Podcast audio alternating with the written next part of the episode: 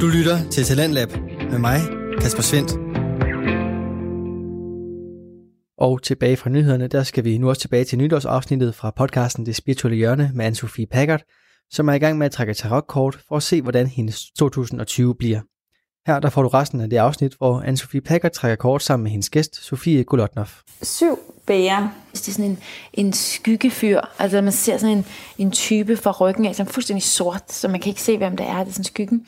Og så kigger han op på øh, ja, syv bager, fyldt med mærkelige ting i, som ser ret dejlige ud. Nogle ædelstene og guld og diamanter og en slange og sådan lidt af hvert. Mm. Og de er oppe i nogle skyer. Hvis du umiddelbart skulle tænke, hvad er det her? Kender du kortet? Jeg har trukket det før, ja. hvor den sagde ligesom noget om, at der ligger så mange gode ting foran dig. Mm. Og, øh, men hvis du nu ikke skulle prøve at huske, hvad mm. der står i bogen, men hvad, hvis du sådan bare kigger og siger, hvad, sig, hvad, hvad siger det kortet mig? til mig, hvis det her det er et godt råd, hvad siger den det så, jeg skal råd. gøre? Altså, så vil jeg faktisk sige, at det gode råd var også at føle sig lidt frem. Mm. Fordi at, øh, at, at den her type, som vi kan se bagfra i skyggen, han har ligesom den højre hånd sådan lidt stikkende følende frem, og man fornemmer en eller anden form for sådan blindhed. Mm. Og så ligger de her, altså det ser ret dejligt ud, de her øh, bager, der er foran ham. Øh, og de er fyldt med netop de her sådan spændende ting. Så det er også måske sådan den der med, sådan føler lidt frem, og så tage det bager, som føles rigtigt. Mm. Der er masser af gode ting, du kan vælge imellem, øh, og du kan næsten ikke vælge forkert. Nej. Hvad og hvis jeg skulle, øh, hvis jeg bare skulle supplere lidt, jamen jeg synes, det, det er helt korrekt.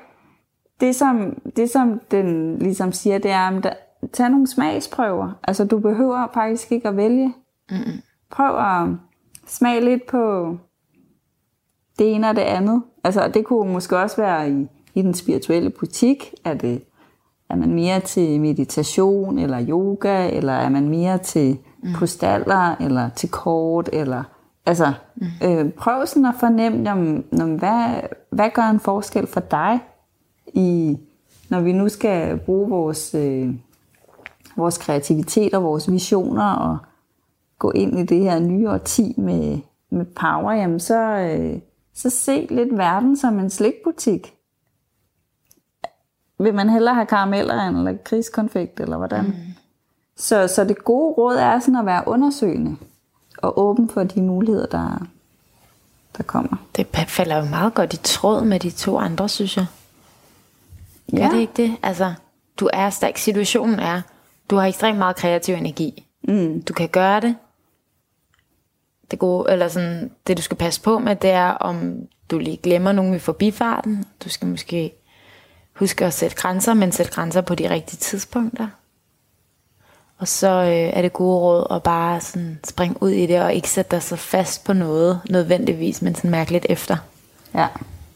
Prøv nogle forskellige ting. Ja. Hold det og det er også noget med mm. sådan, måske ikke helt at være klar på at sige, at, øh, at den skal se sådan her ud. Nu ved jeg ikke, hvor meget du har snakket om det i det her forgangne år, men jeg synes hele tiden, jeg løber ind i den diskussion, der hedder drop perfektionismen. Mm. Altså, drop det nu. Det bliver aldrig perfekt. Det bliver aldrig lige præcis sådan, som du havde tænkt. Men vær åben for, at det kan se ud. Altså, den rigtige løsning kan se ud på tusind måder. Ja. Altså, det behøver ikke, altså hvis du nu øh, tænker, jeg skal jeg, skal, jeg vil arbejde med at skrive. Og så tænker du, men der er sikkert flest penge i at skrive den og den form for bøger. Jamen det kunne også være, at du havde lyst til at skrive børnebøger. Eller ja. altså, ja. at man ikke sådan er fastlagt på, hvad der ligesom er det, der giver mest status, eller der, hvor man tror, pengene er. Altså vi prøver jo tit sådan at, at regne ud, hvordan man skal finde det her guldæg, eller mm. Og der, der er det gode råd, jamen du kan ikke regne det ud. Altså universet vil super gerne hjælpe dig, mm. men det kan kun hjælpe dig, hvis du er åben for nye idéer. Præcis. Mm. Det bliver da et spændende år.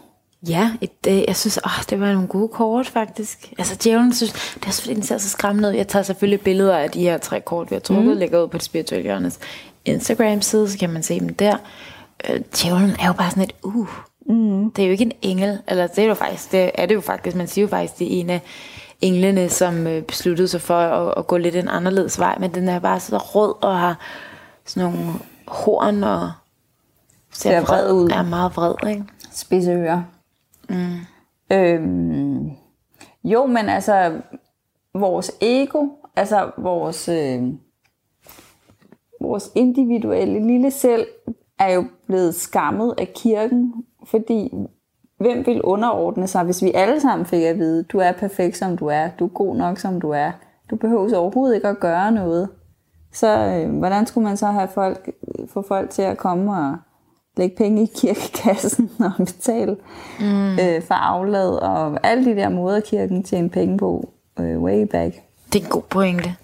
Så, så, så djævlen handler jo sådan set om, at vi i vores vestlige kultur har fået at vide, at vi er forkerte, at vi ikke må være dem, vi er, mm. og vi er, vi er dårlige, når vi ah, Nu får jeg også lige sådan en indskydelse til det kort, når jeg så har kigget på det. Også det, der du siger med netop, vi har fået at vide, at vi skal ændre os. Det er jo også bare sådan kapitalistisk at sige sådan, hey, jeg vil gerne sælge dig det her produkt.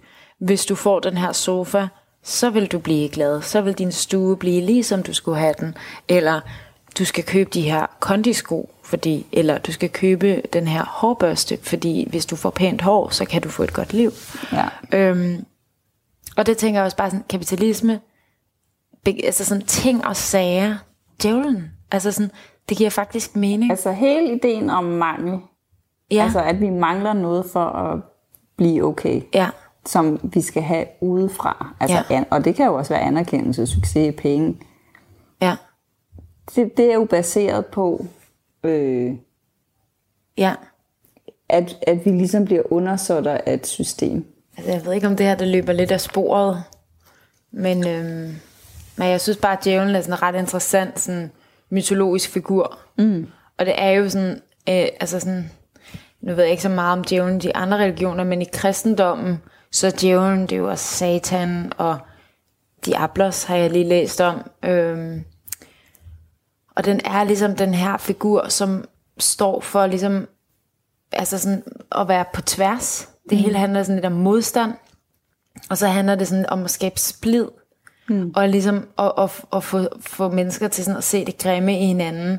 Og, og vil eje og vil have magt. Mm. Så det er sådan, man kan sige, djævlen er alle de her ting, som er sådan, handler om man kan sige, sådan, de lidt grimme menneskelige sider. Altså sådan, man vil overvinde noget, man vil have magt over nogle andre, mm. og man vil skabe splid og bagtale.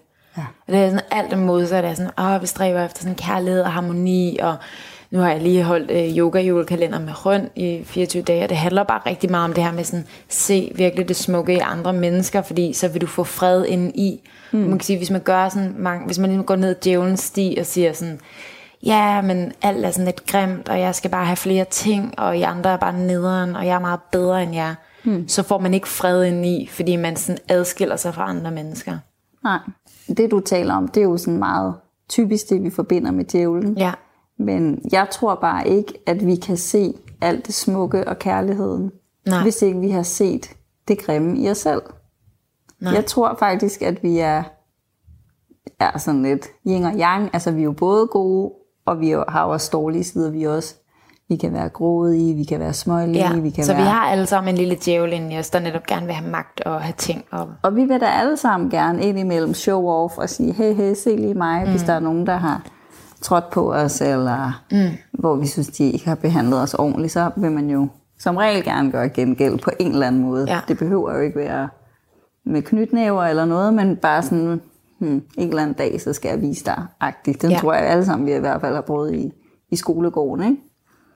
Og, og der tror jeg bare, at, øh, at vejen til kærlighed og til at kunne se lyset i hinanden, det er jo ved, at man arbejder med sit eget mørke. Ja. Og det er sådan typisk øh, skygge. det er skyggeteori, altså. Ja. Jung var jo faktisk ret interesseret i tarotkort. Øh, ja og snakker om, altså når man trækker trumfer, så refererer til til arketyper, som er et jungiansk begreb, ikke? Jo. Øhm, så, så ja, jeg tror, at grunden til, at vi har den her på som, Stenen som, i skoen. som 2020's udfordring, det er jo det her med, at vi er nødt til at arbejde med, med de mørke sider i os selv. Altså hvorfor er det, jeg gerne vil have succes, eller hvorfor er det, at jeg ikke vil tillade nogle andre, ligesom shiner ved siden af mig, eller øhm, hvad det nu kan være, ja. hvor vi har, har rundsavene fremme. Ja. Det er jo, det er jo for, for os at vise os, om, hov, vil du være sådan en person? Altså du går og prædiker kærlighed, eller altså, men der er jo enormt meget konkurrence, også inden for den spirituelle verden. Ja. Øh, og selvom at man, man jo vi jo alle sammen gerne vil være de her overmennesker, der går rundt bare og... Ja, ja og nu har vi... Øh, og healer og, og Queen lys. of Wands, altså stavenes dronning. Så hvis man gerne vil være hende, skal man også bare lige huske, at man måske har øh, begær, og man vil nogle ting, som måske ikke er sådan helt fine i kanten. Men jeg tænker bare sådan, vi behøver jo heller ikke blive helt enige om, hvordan det tolkes, men jeg tænker bare sådan, når djævlen ligger som, hvad bliver det svære, eller sådan, hvad, hvad er udfordringen i det her, så kan det måske være, at, at udfordringen kan være, at man bliver for ivrig, mm. at man bliver for, jeg vil alt det her, og, og netop bare sådan, jeg kan, over, jeg kan blive dronning af verden, mm. se mig alle sammen, hvor det er sådan, nej, det er ikke det, det handler om, fordi vi er alle sammen lige meget værd, mm. men du skal udtrykke dig selv, og du skal være dig selv, men du skal ikke være, altså det handler ikke om, at du er bedre end nogen andre. Nej, og det, det kommer vi forhåbentlig til at lære en hel masse om i år. Ja. Og det, jeg tænker, at djævlen er, kan jo, er jo nok primært en intern proces i forhold til, til den her stavedronning. Mm. Altså det her med, at man opdager sig selv, egentlig ikke har rent mel i posen, eller lige har lidt for travlt. Eller, ja.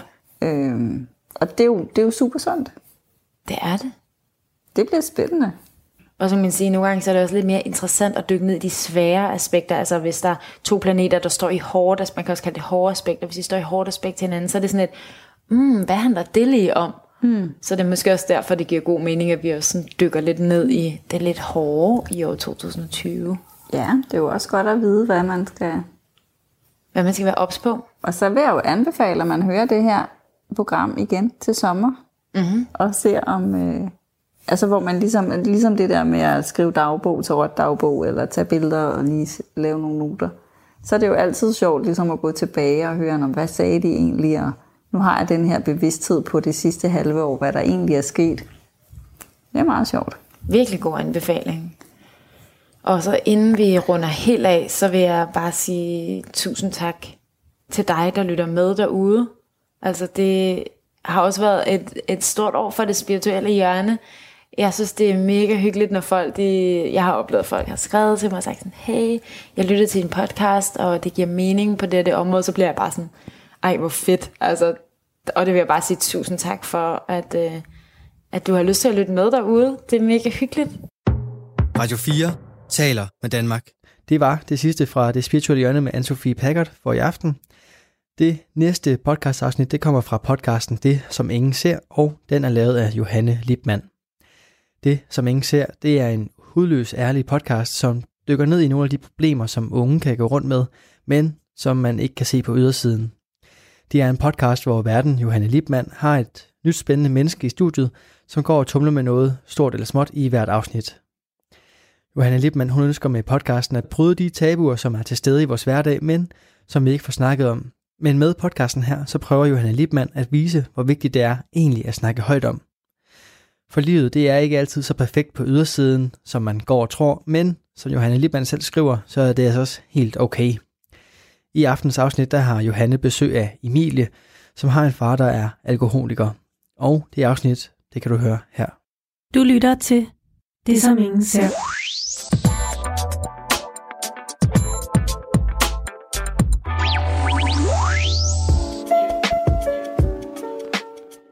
Rigtig hjertelig velkommen til første afsnit af podcasten Det, som ingen ser. En podcast, som er lavet af mig, Johanne Liebmann, og som vil handle om de problemer, som vi unge går rundt med, men som man ikke ser på ydersiden.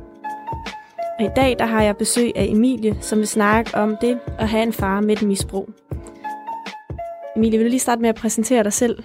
Yes, øh, jeg hedder Emilie, og jeg er 20 år gammel, og jeg studerer journalistik på tredje semester. Og ja, jeg har en far, der har et misbrug, og ovenikøbet også er psykisk syg, så det er en ret træls blanding. ja, det forstår jeg godt. Øhm, hvad er det for et misbrug, din far har? Det er et alkoholmisbrug. Okay. Han er, ja, han er alkoholiker. Okay. Øhm, har han nogensinde været ude i andre former for misbrug? Nej, det har han ikke. Okay. Kun alkohol. Ja. Og det, det er noget, han stadig er i. Det er ikke et afsluttet kapitel. Nej, altså, han har været i det, han var, det, var i det i mange år, og så, øh, så stoppede han, som vi nok også kan komme ind på senere. Mm. Øhm, men nu tror jeg simpelthen, at han er begyndt igen. Jeg har oplevet nogle sådan tegn på, at han er tilbage i det der, hvor han ikke kan styre det længere. Okay. Hvad er det for nogle tegn, du ser?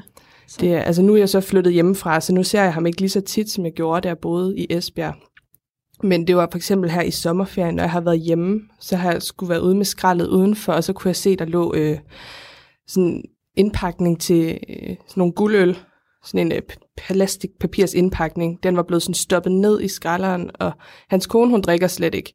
Og der bor kun ham og hende øh, derude, og kunne se, at den var blevet skjult lidt, og øh, når vi har været nede at handle, så har han sådan taget en øl og puttet den sådan ned under de andre varer, mens jeg ikke har været der. Og øh, sådan noget med, at så han, når han skulle ind og handle, så har, hvis jeg spurgte, om jeg måtte komme med, så har han været sådan helt afholdende fra det, fordi jeg ved, at så køber han øl og drikker det med i bilen, mm. hvilket jo også er virkelig øh, ude, ja. hvor, hvor man ikke kan styre det længere. Mm. Og bare det hele taget sådan skjult det, og øh, kan se, at han har drukket, når de har været på ferie, hvilket også er fint, fordi der er jeg der ikke, der skal jeg ikke blande mig i det, men mm. man ved bare, når man har et misbrug, så kan man ikke styre det på noget tidspunkt. Nej. Så, øh. Har han nogensinde været i nogen form for behandling? Ja, øhm, for da jeg gik på efterskole i 14-15, der var, der var det rigtig slemt. Og der var der en episode, der lige pludselig der gjorde, at jeg sagde til ham, at hvis du ikke får noget hjælp nu, så skal jeg ikke se dig nogensinde igen. Mm. Og øh, der ved jeg, der kom han på antabus og var på det i lang tid, og øh, stoppede også med at drikke fuldstændig, og tog kontakt til mig igen og sagde, at nu havde han fået hjælp, og han lovede mig, at han aldrig nogensinde ville røre alkohol igen. Øh, okay. Ja, og hvad, det hvad tænkte du, øh, da han sagde det? Jeg synes, altså, jeg synes, det var rart, at han havde fået noget hjælp. Jeg tænkte, jeg stolede på, at nu stoppede han fuldstændig, fordi at det var jo forholdet til sine børn, han havde på spil her. Mm.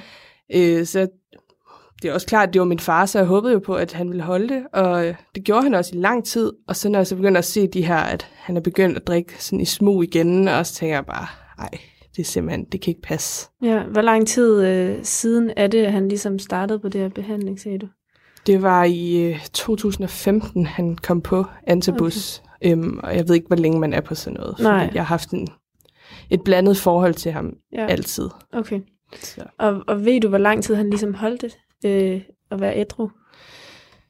Nu ved jeg ikke, hvornår han sådan begyndte at røre alkohol igen, sådan Nej. helt sikkert. Men jeg begyndte at opdage det inden for det seneste år, eller sådan noget, okay. at det langsomt begyndte igen. Og mm. at så, så noget med, at for eksempel, når jeg, har været, jeg var ude ved ham i sommerferien, og så øh, jeg ligger ud i haven, og det er dejligt vejr, og ligger og læser, og han har været på arbejde, og så kommer han hjem, og så kommer han over og sådan, hej, jeg har købt nogle cider med, to cider med, vil du ikke have en? Og sådan, det kan jeg det godt. Men sådan, så drikker han den også, og så bruger han ligesom mig som en undskyldning mm. til, at det er okay at sidde og drikke, at ja. vi får en cider sammen. Ja. Men jeg har bare ikke det behov for at sidde og drikke på en tirsdag nej, formiddag. Nej. Hvad er det så grunden til, at du ikke siger nej i den situation? Hvad tror du, det er?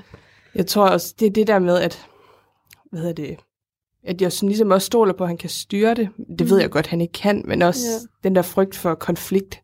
Okay. Fordi han netop også har øh, nogle psykiske sygdomme oveni, der gør, at det kan hurtigt blive sådan en ubehagelig situation. Okay. Kan du prøve at øhm, forklare lidt mere om de her psykiske sygdomme, han så også har? Ja. Øhm, han har øh, personlighedsforstyrrelse og nogle narcissistiske træk, og så noget, jeg ikke ved, fordi han vil ikke sådan fortælle det. Okay. Øhm, det startede egentlig for rigtig, rigtig mange år siden, da jeg var... Altså, nu har jeg taget nogle billeder med her. Ja, dem kan vi lige komme ind på bagefter. Ja, men der, på de her billeder, der er jeg ikke særlig gammel. Og der fejlede han ikke noget.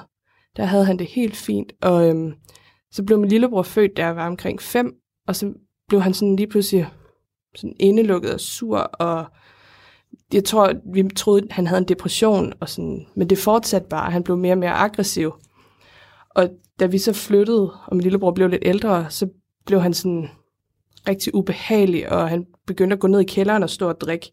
Og alkohol, det forværrer hans sygdomme. Mm. Det gør, at han bliver rigtig ubehagelig at være sammen. Han er ikke fysisk sådan mod nogen, eller voldelig eller noget. Nej. det er mere sådan psykisk terror, han så kører på folk. Så han siger ting til ja, dig, for eksempel? det kunne være, at vi sad og spiste aftensmad, og så kunne jeg have tykket på en forkert måde, ja. og så sad han og sådan stirrede rigtig ondt på mig i lang tid, og okay. sådan, var sådan helt indirekte, sådan, det skal du ikke gøre, det der. Ja, men han sagde det aldrig, eller hvordan? Nej, han havde sad bare og stirret på mig, indtil jeg sådan, okay. du er behagelig, og ja.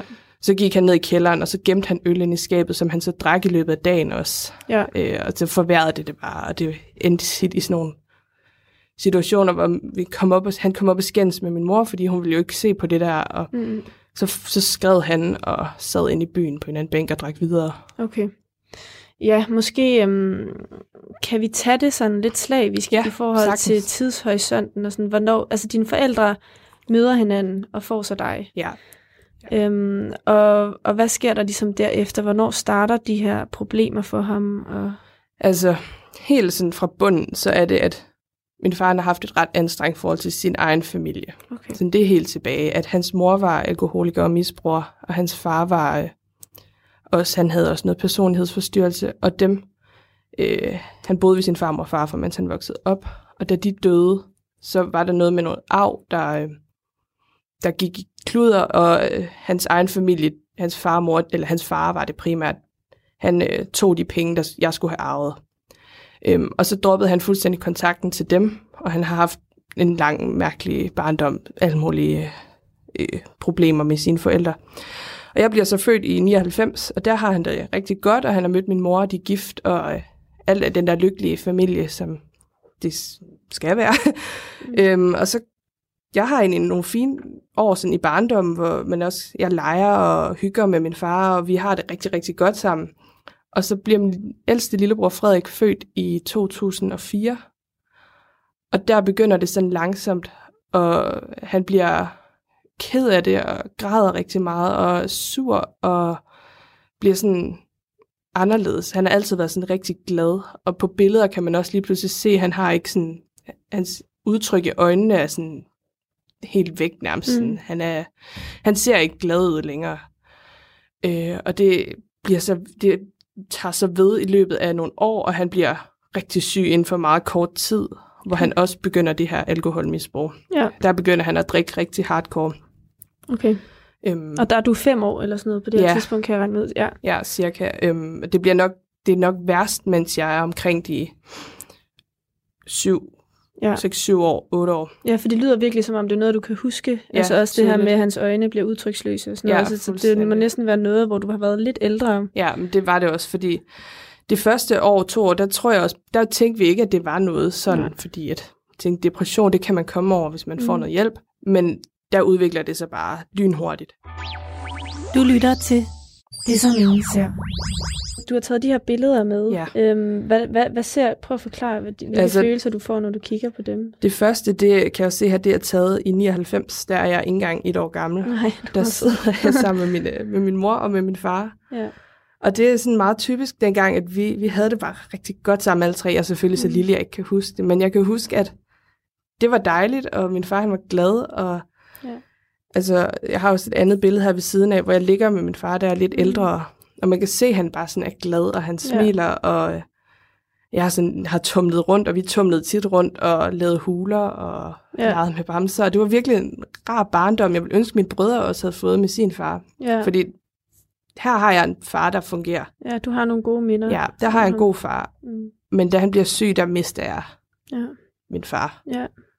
Og han ser, han ser næsten lidt udlandsk ud ja. på de her billeder. Er han det? Eller? Han er halv grønlænder. Okay. Ja, så jeg er kvart grønlænder. Ja, okay. Og så, så bliver han meget syg der i ja. måske 2008 eller sådan noget, sagde du. Ja. Og hvad sker der så? Hvornår bliver dine forældre skilt? Så? Det gør de i 2009. Ja, mener okay. Efter min mor kæmpede for det i rigtig lang tid, fordi han ville ikke. Nej. Han, og man kan ikke blive skilt, hvis den ene part ikke vil? Eller nej, hvordan? han skulle skrive under på nogle papirer og okay. sådan noget. Øhm, Men er de stadig sammen? Bor de sammen? Nej, nej, nej, nej. De har været skilt i over 10 år nu, og okay. har kun den kontakt, der er nødvendig, fordi de har tre børn sammen. Ja. Øhm, så dengang, hvornår boede de hver for sig? Jeg tror i 2009, jeg kan ikke huske, hvornår på året, nej. men der, der blev de skilt, og han flyttede ind til sin egen lejlighed. Okay. Øh, og øh, det var jo sådan set, det var jo rart, fordi så var han der ikke derhjemme til at, sådan at tyrannisere os andre. Mm. Men samtidig var det også, altså de ting, han havde gjort, han var meget, som jeg sagde, for han var ikke voldelig nogensinde overhovedet. Men han var fy- eller psykisk voldelig over for os alle sammen. Mm. Øhm, det var sådan noget med, at så, når han, han drak jo, og det forstærkede det her, at så kunne han komme op lige pludselig og sidde inde i stuen og se fjernsyn, og så begyndte han bare at råbe og skrige, og råbte til min mor, at hun bare skulle dø, og hun mm. skulle gå ud og blive kørt ned af en bil, og okay. altså alt sådan noget, og ja. når han så flygtede han nærmest ind til byen og sad på en bænk derinde og skrev til mig, som var ni år gammel eller sådan noget. Og jeg står der ni år gammel og tænker, at for dårlig samvittighed, mm. og vi har været ude at lede efter ham, fordi vi er bange for, at han har begået selvmord. Og Hvad skrev han til dig?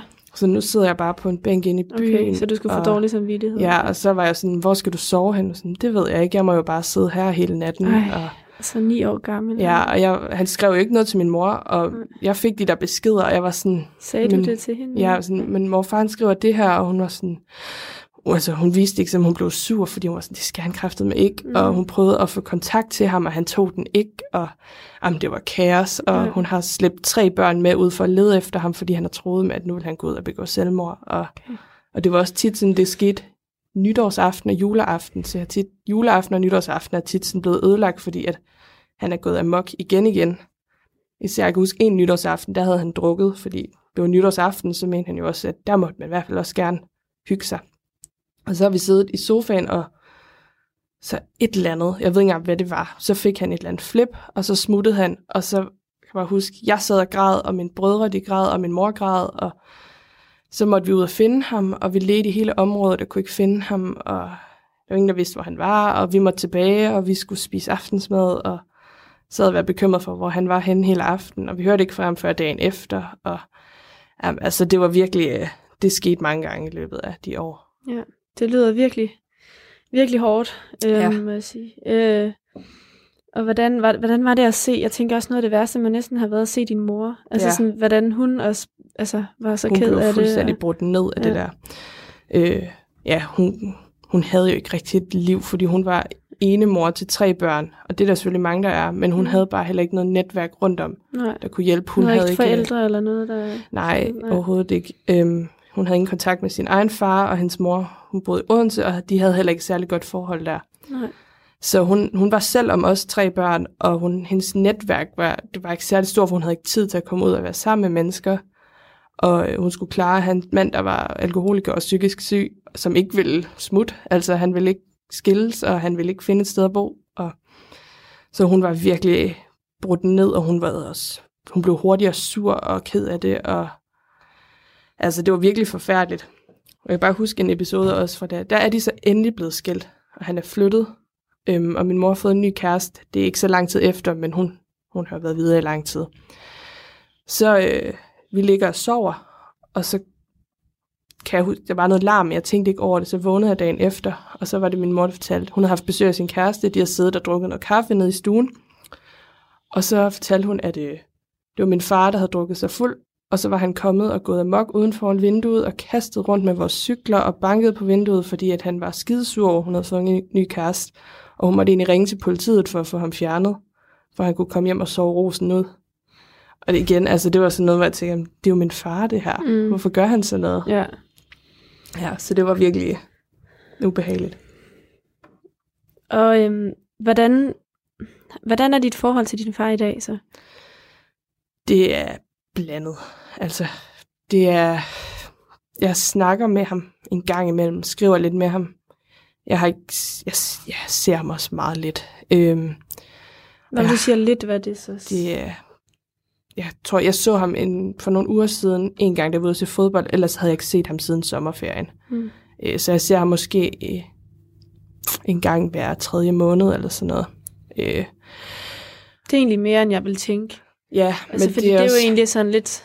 Det er meget ja. forhold til, også fordi, ja. at jeg har meget blandet med det, fordi jeg synes egentlig, jeg går hele tiden med den der, skal jeg cut kontakten fuldstændig, ja. men så får jeg også en dårlig samvittighed, og sådan et, ah, ja. men, men samtidig har at jeg burde ikke have dårlig samvittighed. Det er ham, der har udsat mig for alle mulige ting. Det er ham, der har gjort mit liv ubehageligt. Mm. Så det er mm. sådan virkelig, øh, det er også svært for dit ens forældre. Ja.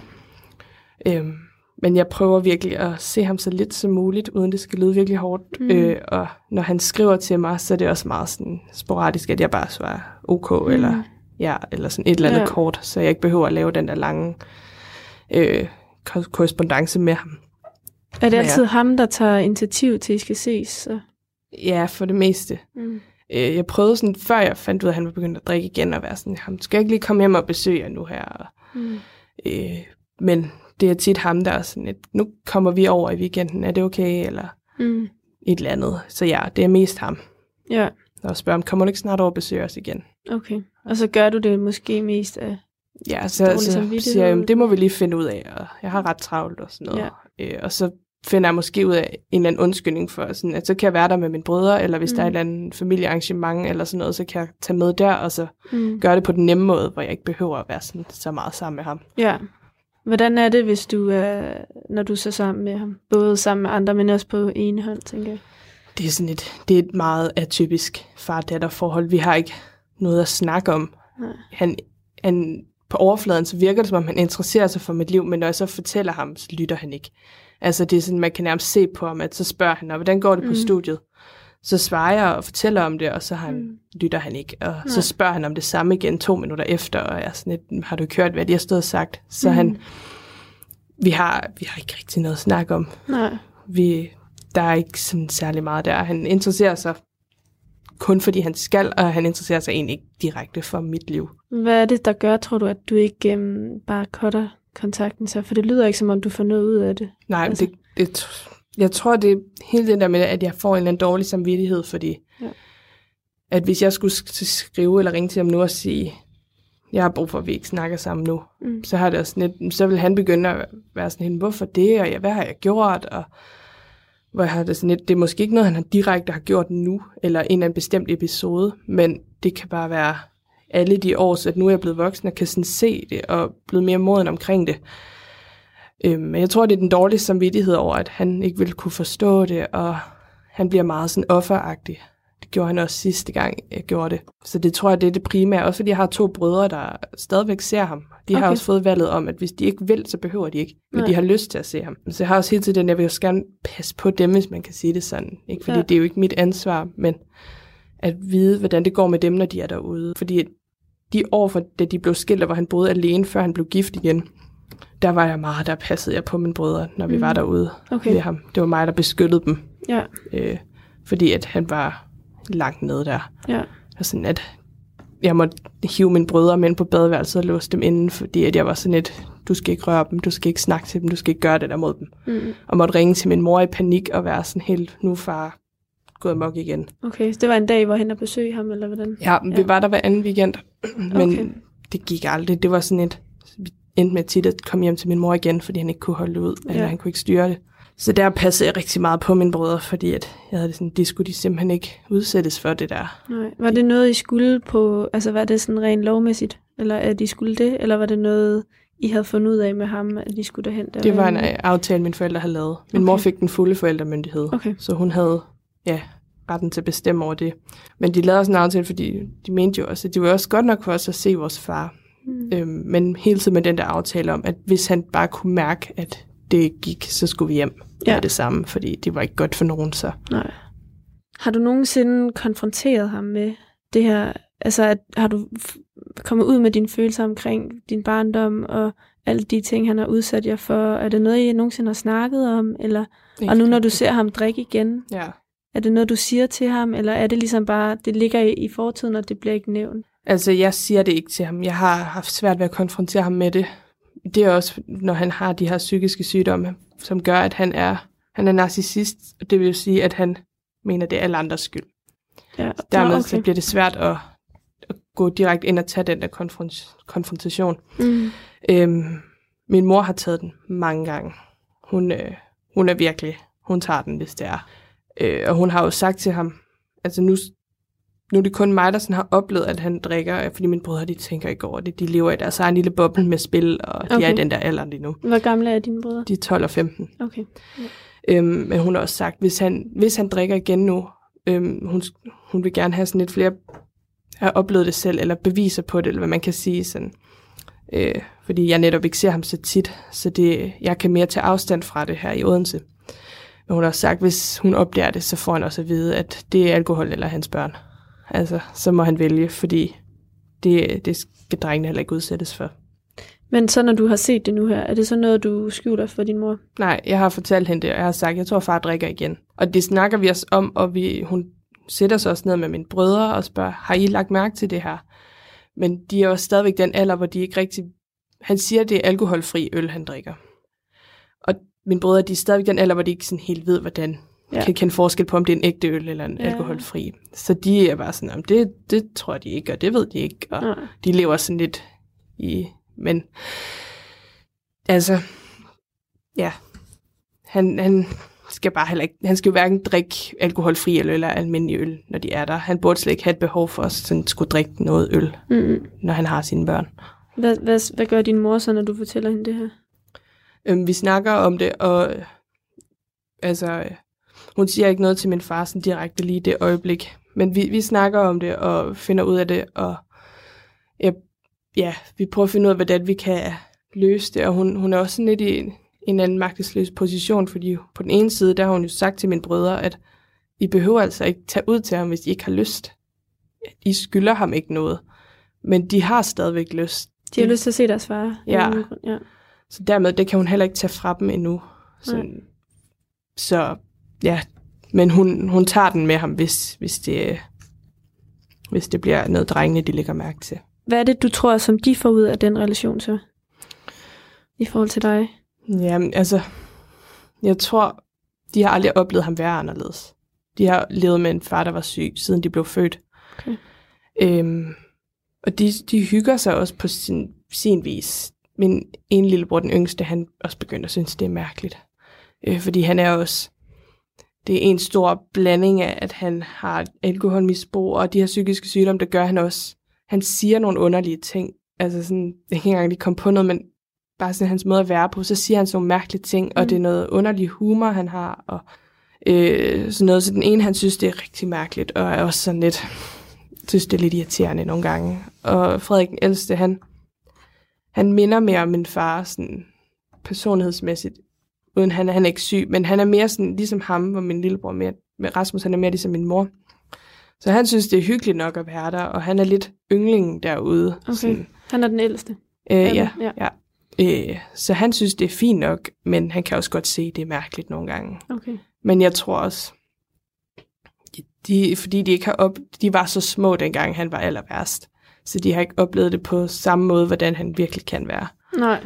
Nej, det var faktisk mit næste spørgsmål. Det var, om de øhm, har haft det nemmere, tror du? Man kan sige, de har ikke oplevet ham være anderledes, så de kender ikke til at have en far, der er rask. Nej. Så de har aldrig prøvet at have den der gode farfigur, som jeg havde et, nogle, nogle enkelte år i mit liv. Øhm, men jeg ved ikke, de har også oplevet rigtig meget ubehageligt. Øh, Rasmus, han er så til han har været så lille, når det er sket. Men det, selvom det så har været mere balanceret i løbet af årene, så har det stadigvæk været slemt. Ja, han har været sådan anspændt og råbt og skrædet og været mærkelig, også når vi spiste ude ved ham. Så han har oplevet det. Og Frederik, han har også, øh, det er ham, jeg har måttet hive med ind på badeværelset, fordi min far har stået og gået amok på ham og sådan noget. Så jeg tror ikke, at det har været nemmere for dem, eller de har... Altså, ja, det tror jeg ikke. Nej. Jeg tror bare, at nu har jeg været ældre og kunne haft også en mere samtale med min mor omkring at kunne forstå, hvad det er, mm. hvorfor han er, som han er. Ja. Øh, det har drengene så fået efterfølgende, men de har også oplevet rigtig meget lort omkring ham. Mm. Virkelig meget. Men de er ikke vrede på ham? Ikke sådan direkte, tror jeg. Rasmus er måske, han synes, han, kan, han er mere sådan, kan godt finde på at sige fra over for ham. Ja. Men de, jeg tror ikke, de er direkte er vrede over på ham. Er det noget, I snakker om? Jer tre imellem, jeres, altså jeres far, og hvordan de følelser, I har? Ikke sådan direkte. Øhm, når nogle gange, når jeg har taget det op derhjemme, så har jeg for eksempel, så har jeg snakket sagt til min mor, jeg tror, faren drikker igen. Og så har hun taget drengene med ind i stuen, og så har vi alle sammen siddet og snakket om det, hvordan vi hver især har oplevet det, og hvilke, om der har været nogle episoder på det seneste, og så har vi sådan altid endt med at komme os tilbage i tiden, og hvordan og hvorledes det har været dengang, og sådan nogle ting. Så der har vi på en måde snakket om det. men jeg tror, vi alle tre, så tager vi den lidt mere individuelt med vores mor. Okay. Så men I er gode til at egentlig at snakke med hende om det? Ja, helt vildt. Okay. Øhm, hun har virkelig været god i alt det her. Hun har også været, skulle være den stærke, så vi har hele tiden vidst, at vi, hende havde vi ligegyldigt hvad. Ja. Og det tror jeg også, øh, jeg har kommet til at afreagere på hende, i stedet for på mm. min far. Ja. Og sagt, sådan, sad skylden over på hende, selvom det har aldrig været hendes skyld. Nej. Men jeg ved bare, så vidste jeg bare, at hun har været der, hun, ja. hun ville være der hele tiden. Øhm, og min far han kan slet ikke takle sådan noget, så vil han selv gå amok, og det vil ende i sådan noget, hvor vi stod og råbte og skreg af hinanden, hvor der ikke var nogen, der fik noget ud af det. Ja, det er aldrig sket. Nej, Nej. Øhm, den har jeg undgået. Hvordan har din mor det i dag? Altså har hun et arbejde, og ja. øh, har hun det godt, eller sådan, hvordan, hvordan er jeres forhold? Vi har det rigtig, rigtig godt sammen, ja. og øh, hun har jo også, altså hun har været stærk igennem det hele, så hun har jo hele tiden haft facaden op på ydersiden, at alt var godt, mm. og har job, og i dag har hun fået en masse gode venner, og altså så, hun er også, hun kan også takle ham, min far. Hun ved, hvordan han er, og hun finder sig bare ikke noget længere. Nej. Øhm, så ja, vi har det rigtig godt, og jeg har fået, jeg havde et anstrengt forhold til os mine brødre i lang tid, fordi at jeg var rigtig vred, da jeg boede hjemme. Mm. Øhm, men vi har det også rigtig godt sammen i dag. Vi, bare det hele taget, min mor, mine brødre og mig, vi har et virkelig tæt forhold, og har det virkelig godt sammen. Og det er også derfor, det er så ærgerligt, at, at jeg hele tiden har min far sådan i baghovedet, og være sådan, at han hele tiden mm. sådan skal spøge. Ja, Nærmest. det forstår jeg godt. Hvordan øhm, er farens, din fars kone? Hvordan er dit forhold til hende? Jamen, vi har egentlig et fint forhold. Øh, det er også sådan, de har sådan et meget specielt ægteskab, synes jeg. Det er sådan lidt anspændt også, og mm. lidt mærkeligt, når jeg er der. Men når jeg sådan har været derude, så hygger vi os, og vi ligger, vi ser film sammen om aftenen og snakker. Og, altså hun er sådan mere interesseret i mit liv, end min far er. Han, han lytter ikke jo. Øhm, hvor vi ligger og snakker om livet og studie og alt muligt, og det er egentlig meget rart. Men nogle gange så forstår jeg heller ikke, at, at hun, hun, jeg ved det ikke, altså man kan sige, at hun gider blive i det. Mm-hmm. Øhm, men også sådan, at hun arbejder nærmest altid, når vi er der. Mm. Hun har øh, hun arbejder på psykiatrisk, øh, mm. ironisk nok. Ja. Øh, hvad hedder det? Men hun har altid nattevagter og langvagter og weekendvagter, når vi er der. Så hun, som om hun nærmest ikke, så behøver hun ikke at være der. Mm. Og det har været sådan lidt nederen nogle gange, fordi jeg tænker, det kunne være rart, for hun var der for måske at, mm. at stoppe de der konfrontation, eller den mærkelige stemning, eller et eller andet. Mm. Øhm, især også når mine brødre de er derude alene. Ja. At hun så skulle have været der og hjulpet lidt til med det. Hun er ikke i et misbrug eller nej, nej, noget? overhovedet så ikke. Sådan... Så derfor har jeg også haft svært ved at forstå, hvorfor hun bliver ja. i det. Men på en eller anden underlig twisted måde, så får de det til at fungere. Ja. Det kan være bizart at kigge på udefra ja. nogle gange. Ja. Men, Hvad med din far? Ja. Har han et arbejde i dag? Ja, han er kirkegårdsgraver. Øh, og han har også altid haft arbejde og ja. stabilt sådan, han, han har, på grund af hans sygdom, så har han sådan der med, at han laver en rigtig fin facade ud af til, og okay. at alt det kører, og der er ingen, der har vidst det her om bagved. Og det tror jeg stadigvæk ikke, der er nogen, der ved. Nej. Øh, Udover den tætteste familie. Øh, men han holder facaden ud af til, og som om at han har det godt, og han har et job, og han har kone og bil og børn. Og ja, så han kan hus, også godt passe et arbejde, altså ja. det har han egentlig altid kunnet. Ja. Altså, hvilke følelser har du i dig nu, altså som det er i dag? Hvordan dealer du med, du, der må være så mange følelser i din krop. Fuldstændig. Øhm, jeg tror nu til dels med, at jeg er blevet ældre, og jeg har fået, det sådan på afstand ved at flytte hjemmefra, og jeg har arbejdet med mig selv omkring det også, og prøvet at bearbejde nogle af de her ting ind i, at jeg har mere kommet til afklaring med, hvad jeg vil finde mig i, og hvad jeg ikke vil. Og så er det selvfølgelig burde nok også mere sige fra over for ham, men det er svært. Øhm, så jeg prøver at holde det sådan på afstand. Men jeg kan også have sådan nogle dage, hvor jeg bare virkelig bare har det dårligt, og mm. græder, og bare har det sådan et, hvorfor kunne jeg ikke bare have en normal far? Altså, mm. hvorfor, når jeg ser folk, der har det virkelig godt med begge sine forældre, og selvom deres forældre måske er skilt, at de så har en far, der stadig er normalt fungerende. Og jeg har det sådan et, det ville jeg da også ønske, jeg havde, at, fordi det, det kan være hårdt kun at have sin mor, der er velfungerende i hele familien, fordi jeg er nærmest kun min mor. ja. øh, af familie. Ja, samtidig har du en bekymring konstant ja, om en, en forælder. Som, præcis, og ja. det har det også sådan, hvis nu hvor han, jeg kan se, at han drikker sådan igen, så er jeg begyndt at bekymre mig for sådan, er det det sådan, når min brødre er der, bliver mm. han sådan aggressiv og mærkelig igen? Hvordan ja. lægger de mærke til det? Kunne han finde på at gøre noget? Han har engang kørt spirituskørsel med os alle tre nemlig. Altså, kører han med dem, mens han er påvirket? Det kan jo ende i en ulykke, som han måske heller ikke var interesseret i skulle ske.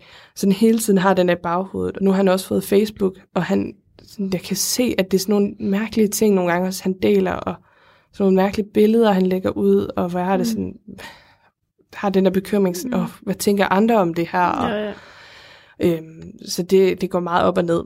Primært så har jeg det rigtig godt, men jeg har hele tiden det der bekymring med min far i baghovedet, og har det sådan, det er simpelthen, det er sgu hårdt at have en sådan far.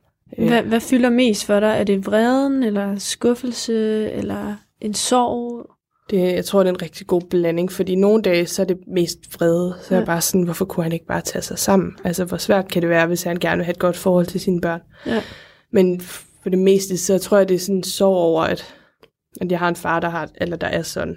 Øh, mest, jeg er bare ked af det over, at han, han er syg. Ja. At, at jeg ikke bare kunne have en normal far, der var der og var interesseret i ens liv og hjælp, og ligesom andre normale fædre gør. Mm. Ja.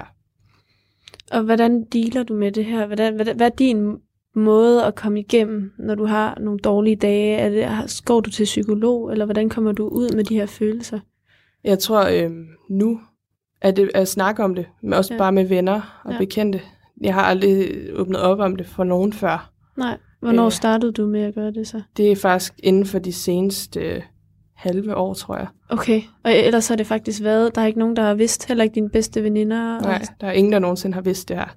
What? Er vildt. Øhm, okay. Fordi jeg også selv har været rigtig påvirket af det, da jeg gik i gymnasiet øh, for nogle år siden. Der ja. var jeg rigtig langt ude, også på grund af det her. Jeg var hele tiden ked af det og sur og anspændt, og det gik ud over min familie derhjemme.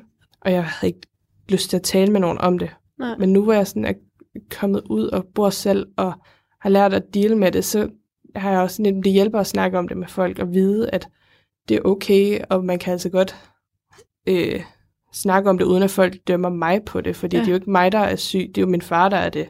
Øh, så rigtig meget snak med folk om det, og gøre opmærksom på, at det er der. Det er ja. en del af mit liv, og det er en del af min historie. Ja. Øh, at jeg har en far, der har et misbrug og er syg. Øh, ja, og fortælle om det. Hvordan kommer det så på tale? Er det, at øh, I snakker om din far, og så fortæller du om det? For det kan jo være svært. Hvordan ja, skal man lige... Øh, netop.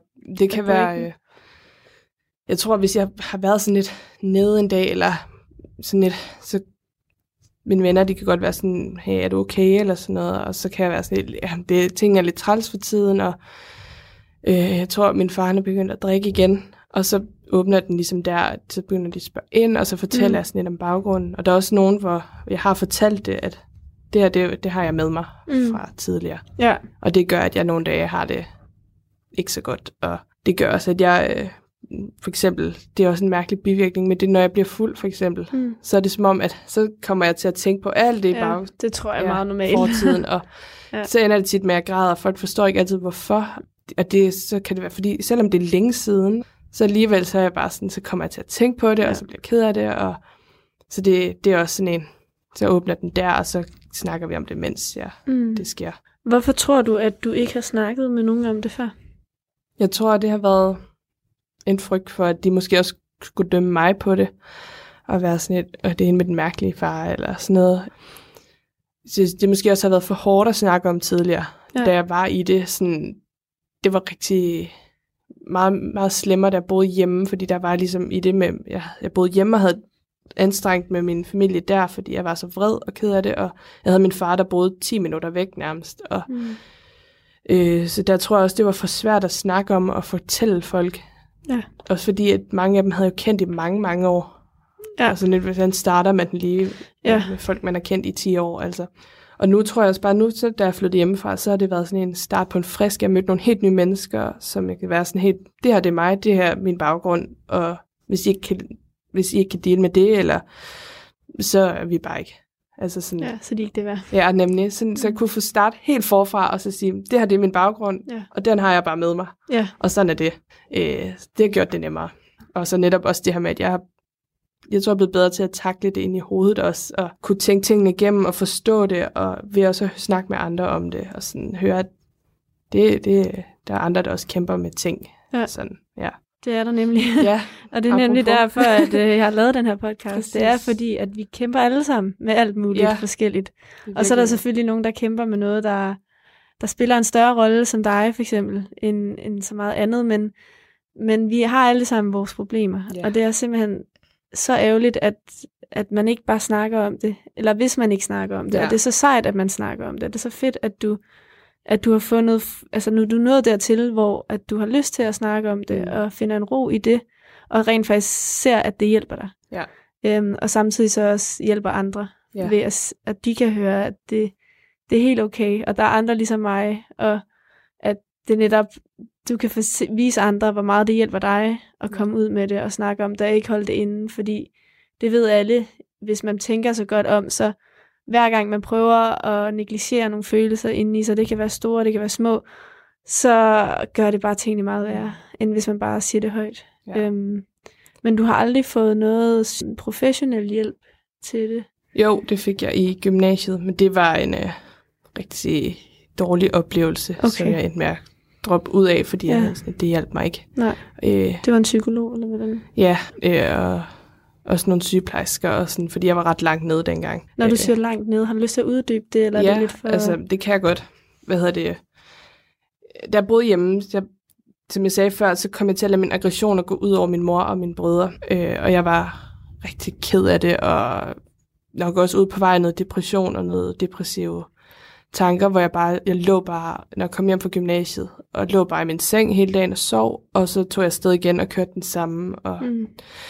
Øh, og så eskalerede det en aften i 3.G i august, der var, vi sad og spiste, hvor jeg, det, jeg ved ikke, det kort sluttede bare op i hovedet, og jeg var så sur og træt og ked af det, og fik et, gik sådan helt amok og græd og råbte og skreg og kastede rundt med ting, og endte faktisk med at blive indlagt, øh, fordi jeg var på selvmordets rand den aften, og havde det bare sådan, nu har jeg levet for længere og var indlagt og startede et forløb ude på øh, psykiatrien i Esbjerg, som det fungerede ikke. De var bare sådan, men når du, ikke, når du kan mærke, at du bliver sur, så tæl til 10.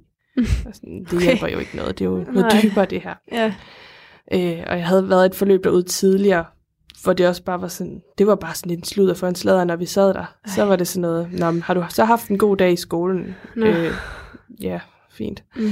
Øh, så det hjalp overhovedet ikke, og vi kom aldrig rigtig ned i dybden alt det her med min far, mm. og noget som helst. Så det hjalp ikke noget. Mm. Og øhm, da jeg så kom ud derfra dagen efter, og så boede jeg faktisk ironisk nok lidt hjemme med min far, fordi jeg skulle have pause fra min mor. Okay. Øh, men så, ja, jamen, det var virkelig, det har virkelig været nogle mærkelige, ja. lange, hårde forløb også. En, men jeg, kom, jeg blev færdig med gymnasiet og fik det langsomt bedre, og så da jeg startede på universitetet, fik jeg det rigtig godt, fordi nu følte jeg, at jeg fandt et sted, hvor jeg passede ind, og ja. hvor jeg havde det godt, at jeg kunne få det af, på afstand det derhjemme, og fik mit eget sted, og mm. det forbedrede også forholdet med min mor og med mine brødre, så det hjalp rigtig meget. Ja. ja. Men jeg ved, at grund til, at jeg fik det sådan, havde det sådan, der boede hjemme, det var traumer fra min far. Det er klart. Ja, ja og ikke har det. fået det bearbejdet. Også. Ja, præcis der, din mor øhm, tænkte aldrig det der med, at du måske skulle få nogle psykologsamtaler, eller komme i nogle... Ja, jo, fordi... vi har forsøgt, og det har været en lang og sej kamp, og vi prøvede alle mulige, og okay. det var bare som om, at det, det virkede bare ikke. Så kom jeg ind til Nej. den ene, der ville have, så skulle jeg bare udfylde et spørgeskema, mens hun gik ud. Ja, okay. Og så sad jeg der med et spørgeskema om, sådan, viser du ordentligt, og, og ja. sådan lidt, men det er ikke det, det Nej. handler om. Ej, det lyder virkelig som om, du er blevet taklet forkert. Ja, så det, var, det har været en sej kamp at komme mm. igennem. Ja. Øhm, og nu har jeg bare lært at takle det selv i dag. Og det er den måde, du føler dig den rigtige. Ja. Ja. ja. Og snakke om det. Ja, præcis. ja. Du lytter til Det, som ingen ser. Hvad er dit bedste råd til andre? Du har jo lidt sagt det egentlig, men ja. hvis du lige skulle sådan komme med noget her til sidst altså, ja, snak om det. Snak med nogen, I måske stoler på, eller tætte venner, fordi det hjælper at få sat ord på det. Mm. Jeg havde mange år, hvor jeg lod det køre rundt ind i hovedet, og ikke rigtig fik sagt, hvad jeg føler, eller noget. Så snak om det. Virkelig, det hjælper. Radio 4 taler med Danmark. Det var det sidste for denne omgang Talent Lab. Du kunne i aftens udgave høre afsnit fra to podcast, henholdsvis Det Spirituelle Hjørne med Anne-Sophie Packard, og Det, som ingen ser med Johanne Liebmann. Mit navn det er Kasper Svendt, og nu der er det blevet tid til nattevagten her på Radio 4. God fornøjelse og på genlyt.